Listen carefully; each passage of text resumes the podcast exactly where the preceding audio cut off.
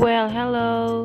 Selamat datang di arah kembali. Baik lagi sama aku Jun. Apa kabar nih teman-teman? Di hari Senin, kok hari Senin sih? Biasanya kan Sabtu Minggu gitu. Uh, sebelumnya aku mau bilang kayaknya sih uploadnya hari Senin gitu. Minggu, Sabtu, dan Minggu tidak terupload karena ada uh, hal yang perlu lagi dikerjakan lagi-lagi ya tidak konsisten sekali. Tapi nggak apa-apa ya teman-teman buat yang ngedengerin. Terima kasih sudah mendengarkan buat yang follow terima kasih sudah mengikuti ruang arah kembali ini.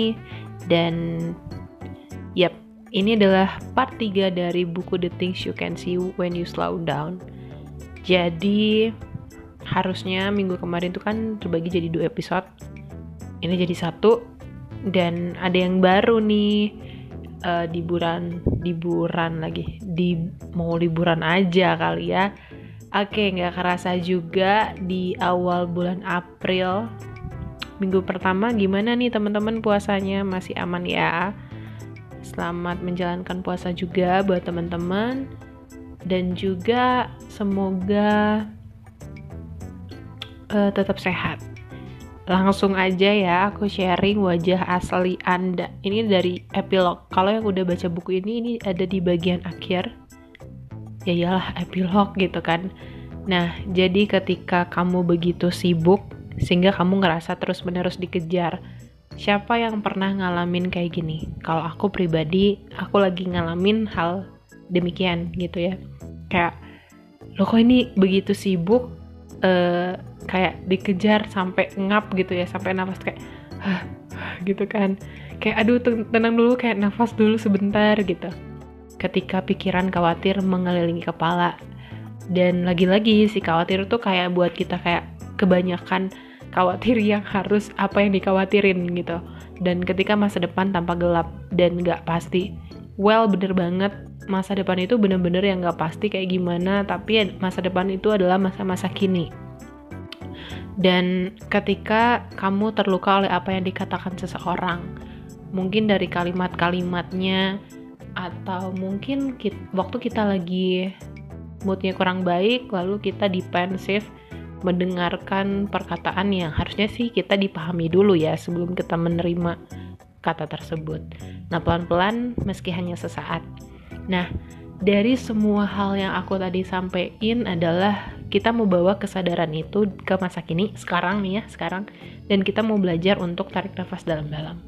Cobain ya.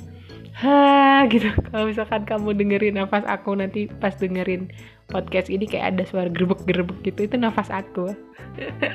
Sorry banget ya. Nah apa yang kamu dengar nih waktu kamu udah coba kayak tutup mata terus jangan tidur gitu tapi tutup mata tarik nafas-nafas pelan-pelan hembusin kalau ada trik gitu ya buat pernafasan tuh aku pernah denger kayak uh, tarikan nafas empat kali. Tarik terus tahan tujuh uh, gitu sama selama tujuh kali dan hembusin selama delapan kali. Itu dilakuin selama tiga kali itu sangat uh, ada dampaknya sih buat aku pribadi ya teman-teman. Kayak hmm mengatur pernafasan untuk pelan-pelan. Setelah itu apa yang kamu dengar apa yang tubuh kamu rasain? Karena e, tubuh kita tuh kadang kala kalau kita misalkan pakai feeling nih ya kayak ngerasa ada yang kayak dia lagi berbicara sesuatu. Misalkan dari hari seharian gitu ya tubuh tuh ngerasa kayak ini butuh istirahat butuh istirahat gitu. Berarti tubuh kamu pengen beneran istirahat gitu. Gak bisa dipaksain untuk bekerja Terus seperti apa sih langit itu? Apalagi kalau misalkan kita lagi evaluasi diri di taman atau terserah sambil ngeliat langit ini sore-sore. Kalau sekarang tuh mendung ya. Uh, langit itu ibaratnya luas sekali hal-hal yang baik. Awan-awan itulah yang sebagai perasaan emosional manusia gitu. Nah, secara natural gitu ya.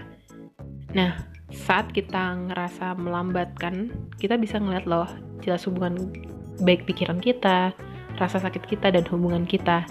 Kita melambat, kita lagi melangkah keluar dan menghargai mereka padanya. Mereka di sini adalah orang-orang yang selalu bantu kita, rekan-rekan kita, sahabat kita, keluarga kita, siapa pun itu.